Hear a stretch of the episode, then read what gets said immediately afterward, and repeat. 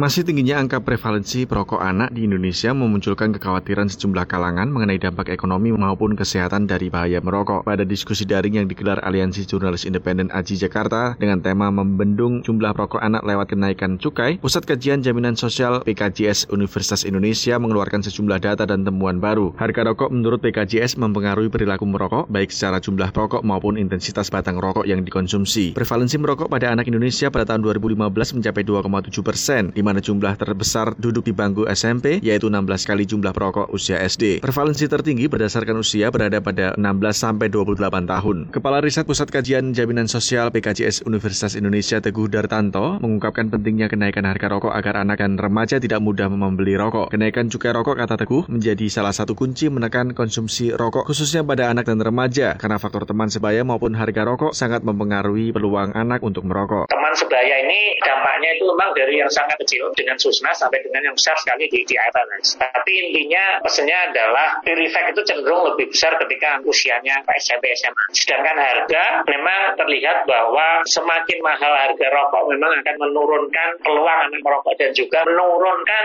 intensitas merokok. Ketua Yayasan Lentera Anak Lisda Sundari mengungkapkan keprihatinannya terkait naiknya pendapatan dari cukai rokok yang dibanggakan oleh pemerintah. Padahal ini menurutnya menggambarkan kegagalan pemerintah mengendalikan konsumsi rokok terutama yang dikonsumsi dikonsumsi oleh anak dan remaja. Kalau kita bilang kita menerima banyak dari cukai rokok, penerimaan pendapatan dari cukai rokok, tapi itu kan bukan menggambarkan pendapatan, tapi itu menggambarkan bahwa kita tidak berhasil mengendalikan konsumsi rokok karena jumlahnya terus meningkat dan di antaranya yang membeli rokok itu adalah anak-anak kita. Selain menyetujui adanya kenaikan cukai rokok lebih dari 57 persen seperti yang diatur dalam undang-undang, Lisda berharap cukai rokok disamakan dengan cukai alkohol yang mencapai 80 persen. Selain cukai, penegakan aturan kata Lisda juga harus mencakup masalah larangan menjual rokok batangan atau eceran, iklan, promosi serta sponsor rokok yang diyakini menjadi faktor yang mempengaruhi anak untuk merokok. Lewat kenaikan cukai, saya setuju bukan cuma ke cukai saja yang kebijakannya harus ditegakkan, tapi termasuk juga iklan, promosi dan sponsor rokok. Tapi cukai adalah salah satunya. Jadi kami berharap karena anak-anak mengakses rokok itu rokok secara batangan, jadi salah satu yang harus diikuti kebijakannya selain menaikkan cukai juga melarang menjual rokok batangan. Kalau kita mau serius, saya kira nggak ada salahnya kita mulai mendiskusikan untuk mengenakan cukai rokok lebih dari 57 persen atau kalau perlu kita samakan memperlakukan rokok dengan alkohol. Dari Surabaya, Jawa Timur, Petrus Rizky melaporkan untuk VOA.